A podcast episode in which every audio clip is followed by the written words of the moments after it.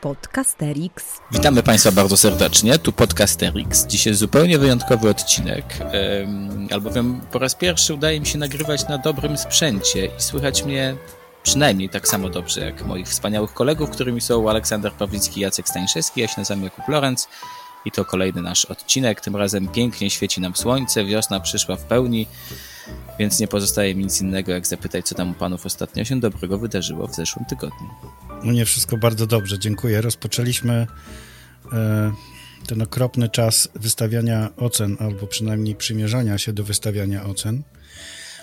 I muszę powiedzieć, że znowu muszę przechodzić po raz któryś przez e, te same rozmowy i debaty na temat tego, kiedy stawiać szóstkę z historii. I jest to dla mnie już e, temat, który wiem, jak do niego podejść, ale cały czas jakby trudno jest mi przekonać moich uczniów, pewnie nie wiem, jak będzie z wami, co to dla mnie znaczy szóstka, ponieważ jestem e, w tym obozie, ale jestem tak w takim ekstremalnym obozie, który mówi o tym, że szóstka to nie dla tych, którzy wiedzą więcej niż program, bo uważam, że nikt nie wie więcej niż program, zwłaszcza teraz przy nowym programie. Nawet ci, którzy układali program, nie znają swojego programu, y, więc uważam, że to po prostu powinni być naturalnie urodzeni historycy, czyli tacy, którzy co prawda popełniają błędy y, i eksperymentują, stawiają odważne tezy, czasami kompletnie kulą w płot, ale lubią to robić i są po prostu y, tak, tacy, takimi amatorami historii. No, czytają dużo, oglądają, są, nie przychodzą na moi, moje lekcje za karę, a nawet nie po to, żeby dostać piątkę, tylko dlatego, żeby sobie miło spędzić czas w gronie miłośników historii. O. Hmm, czyli stawiasz dużo szóstek. Nie, Dlatego, że takich ludzi e, nie jest dużo, którzy są w szkole i tak od razu się z historią bratają. Niektórzy niestety żyją w czasach, w których no, muszą się e, e, parać innymi przedmiotami, więc myślę, że stawiam tak 4-5 szóstek rocznie. Nie wiem, czy to jest dużo. Ale bo czekaj, bo teraz mówisz o takich szóstkach e, na koniec roku szkolnego. bieżących, na koniec roku. Nie, bo ja nie mam ocen okay. bieżących, więc koniec roku szkolnego to jest jedyny raz, kiedy staję przed oceną e, cyferkową i wtedy muszę ją jakoś wytłumaczyć. No mam dłuższą teorię na temat, kiedyś wam może o tym opowiem. Ona dotyczy mm, pralki głównie, ponieważ tłumaczę młodszym uczniom oceny w ten sposób, że oceniamy wspólnie piorącą pralkę i wtedy zastanawiamy się, jakiej dać trójkę, jakiej dać czwórkę, jakiej dać szóstkę. No i ta szóstka to właśnie oznacza, że taka pralka, która zasługuje na szóstkę, to nie dość, że świetnie pierze, co prawda czasami ma wpadki, to jeszcze jak się koło niej przechodzi, to ona prosi o to, żeby prać. W niej. Właśnie. A i to jest e, e, metafora tego ucznia, który prosi, żeby dać mu szóstkę na koniec roku. Nie, który chce na przykład y, nową książkę do historii albo chwali się, że przeczytał coś nowego. Okej, mm, okej. Okay, okay. To nas troszeczkę prowadzi do, do, do, do, do, do tematu dzisiejszego odcinka. Ale co, ale e, powiedzcie bo... mi, zgadzacie się z tym, co ja, za, za co wystawiacie szóstki? Bo ja nie wiem na przykład. Tak Olek na mnie patrzy jakby, nie wiem, ale za nic nie stawiasz. Ja dawno żadnej nie postawiłem. A znacie roku. to, że na, na piątkę znam ja, na szóstkę Pan Bóg, a ty możesz dostać najwyżej czwórkę. Tak niektórzy nauczyciele jeszcze do dzisiaj mówią. Podcasterix. Chyba rzeczywiście dawno nie postawiłem żadnej szóstki.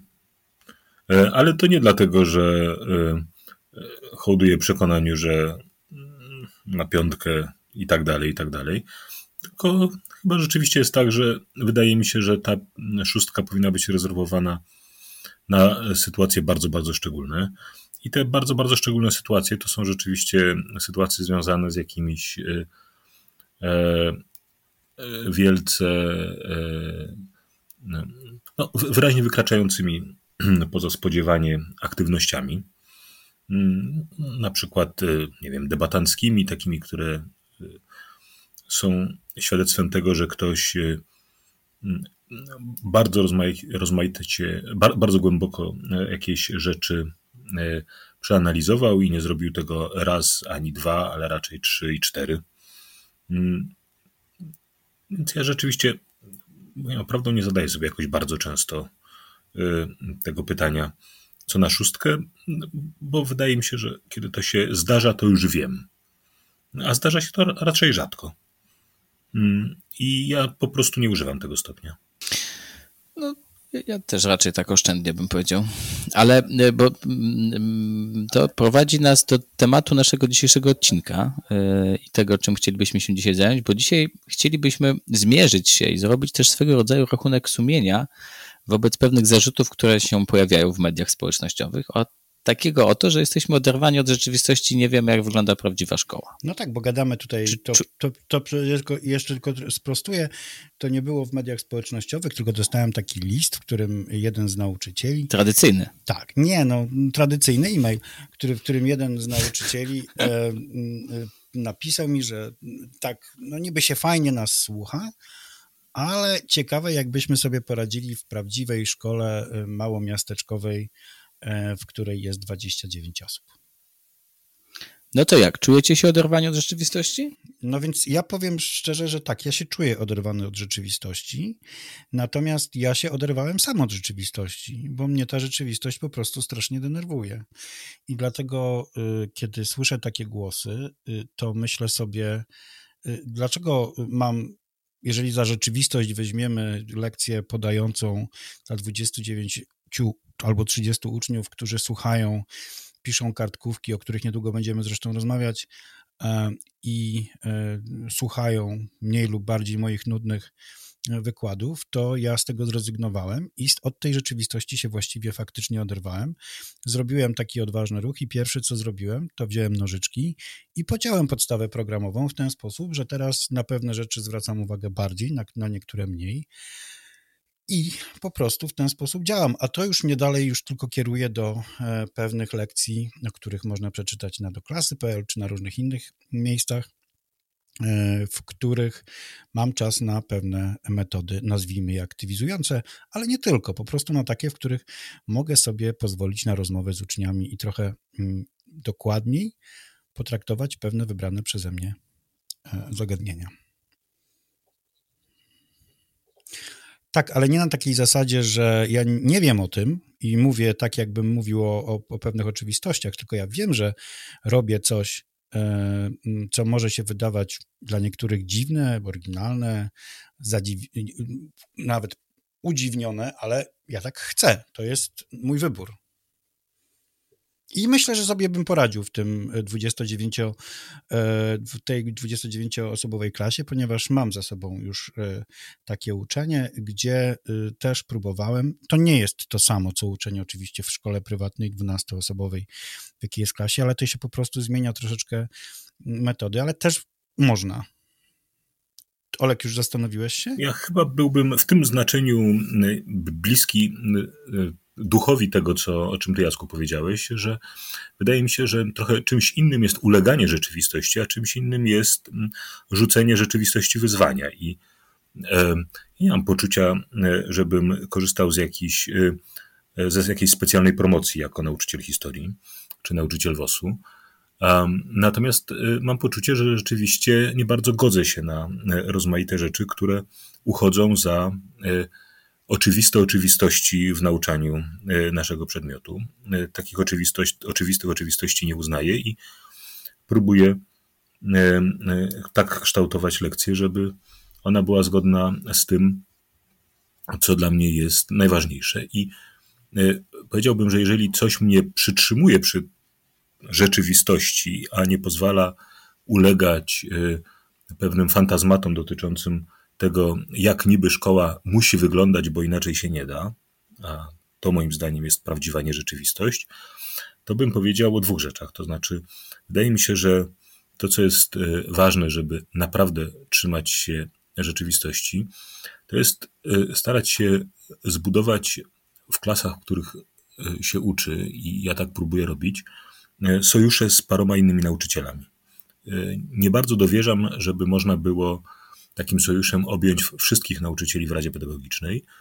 Natomiast z całą pewnością daje się znaleźć e, paru sojuszników, z którymi zaczyna pracować się podobnie i okazuje się, że to bardzo e, pomaga realizować e, rozmaite, nieco bardziej śmiałe przedsięwzięcia w tej konkretnej klasie, a zarazem nie mieć poczucia, że, mm, że jesteście w tym dziele jakoś osamotnieni.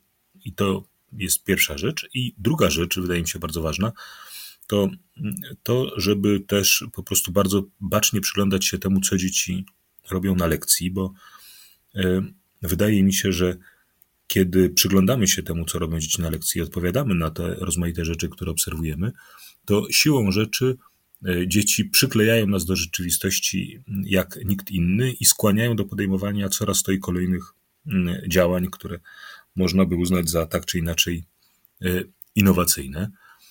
Najgorszym z mojej perspektywy sposobem oderwania się od rzeczywistości jest ten sposób, który dla mnie symbolizowany jest przez taką formułę, którą niekiedy daje się usłyszeć, a mianowicie nie mogę czegoś zrobić, bo realizuję podstawę programową.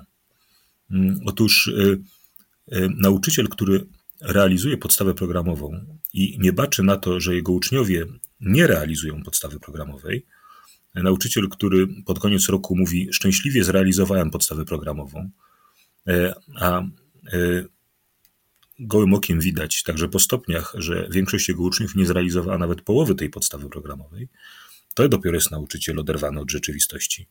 I wydaje mi się, że jak po prostu bacznie monitorujemy to, co dzieje się na lekcji, mm, to y, nas to po prostu do tej rzeczywistości przykleja, w tym znaczeniu, że nasi uczniowie naprawdę realizują podstawę programową i to jest twardy realizm, który zmusza do innowacji. Podcasterix. No bo od jakiej rzeczywistości mógłbym być oderwany? Od rzeczywistości szkolnej, ale przecież rzeczywistość szkolna to jest tak naprawdę rzeczywistość taką, jaką odbierają ją nasze dzieci, nasza młodzież, która mamy w klasach.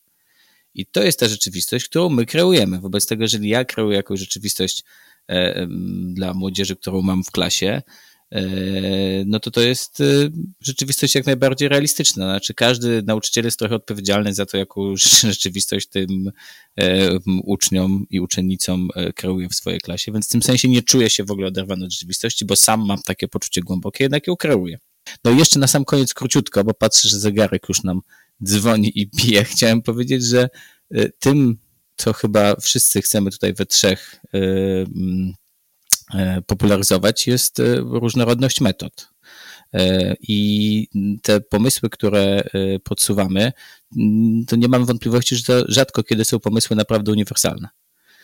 I w tym sensie to nie ma jakiejś jednej wyidealizowanej rzeczywistości, w której wszystkie te pomysły zagrają, no bo i tu wracam do tego, o czym mówiłem na początku, każdy nauczyciel kreuje tą rzeczywistość swoją szkolną e, i no, jeżeli jest e, chętny i e, zagrają mu te pomysły, które, które staramy się podsuwać, to tylko będzie dobrze dla niego i dla dzieci, mam taką nadzieję, no ale tak, więc ja się nie czuję oderwany od rzeczywistości. Czuję się jej kreatorem. Hmm. Myślę, że to jest tak, że jednak wszyscy mamy, niezależnie od tego, y, myślę jednak, y, że, jak kto, że ktokolwiek wchodzi do jakiejkolwiek klasy, y, czy to jest klasa 10 czy 50 osobowa, czy to jest klasa w wielkim mieście czy w małym mieście, czy to jest klasa w szkole publicznej czy społecznej i tak dalej, i tak dalej, i tak dalej, to spotyka bardzo konkretne dzieci, które wcale się od siebie tak bardzo nie różnią w zależności od tych owych wszystkich miejsc zamieszkania, przynajmniej pod tym względem, że one wszystkie stawiają nam bardzo poważne wyzwania. E, I w tym sensie bardzo trudno jest być nauczycielem i się oderwać od rzeczywistości, bo po prostu ta rzeczywistość nas e, za każdym razem dogania bardzo w postaci różnych. tych dzieci. E, I bardzo różnych. I te dzieci po prostu nam nieustannie przypominają, a rozmaite porażki, których przecież nam nie brakuje, jeżeli chodzi o prowadzenie zajęć, nieustannie nam przypominają o tym, że z tą rzeczywistością naprawdę nie jest łatwo się y, mierzyć. Jedynym sposobem, żeby się oderwać od tej rzeczywistości, jest przymknąć oczy i zrobić 45-minutowy wykład, ale y, tego chyba nikt nie robi. Mam nadzieję, że y, nieprzekonanych przekonaliśmy, a przekonanych utwierdziliśmy w tym, że nie jesteśmy oderwani od rzeczywistości aż tak bardzo, jakby się mogło wydawać. Y, to był Podcasterix. Bardzo Państwu dziękujemy. Jacek Stańszewski, Aleksander Pawlicki, Jakub Lorenz. Zapraszamy na kolejny odcinek. Ja, ja, tylko powiem na koniec, przepraszam Cię, Kuba, że dostaliśmy y, też dwa dwie informacje, skoro już dzisiaj tak trochę jesteśmy y, przodem do klienta, że za krótko mówimy, że nasze odcinki są za krótkie, więc... Y, I... Nic, tylko wypada się nam z tym zgodzić. Chcemy powiedzieć, że to Jacek powiedział, e, że jak ktoś nas zacznie już słuchać i okaże się, że mam coś ciekawego, to, no to może nawet kiedyś 20 minut. wspomniał nawet o półtorej Ale godziny. Że jak... No nie, to powiedział, że jak będziemy, byśmy mieli globalną publiczność. Tak, to prawda. I cały czas nam daje znaki, że musimy Także... już kończyć.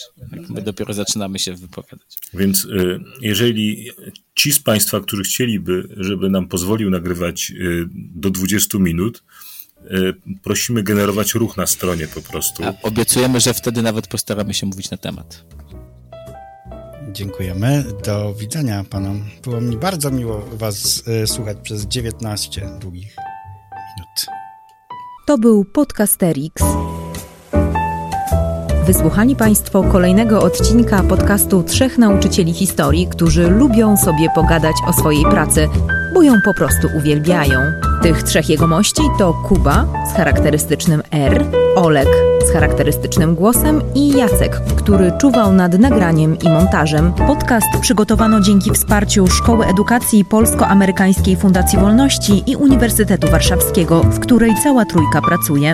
Więcej informacji na stronie szkolaedukacji.pl. W czołówce wykorzystano dźwięki na wolnych licencjach, a głosu użyczyłam ja, czyli Adriana Bąkowska. Zapraszamy na kolejny odcinek.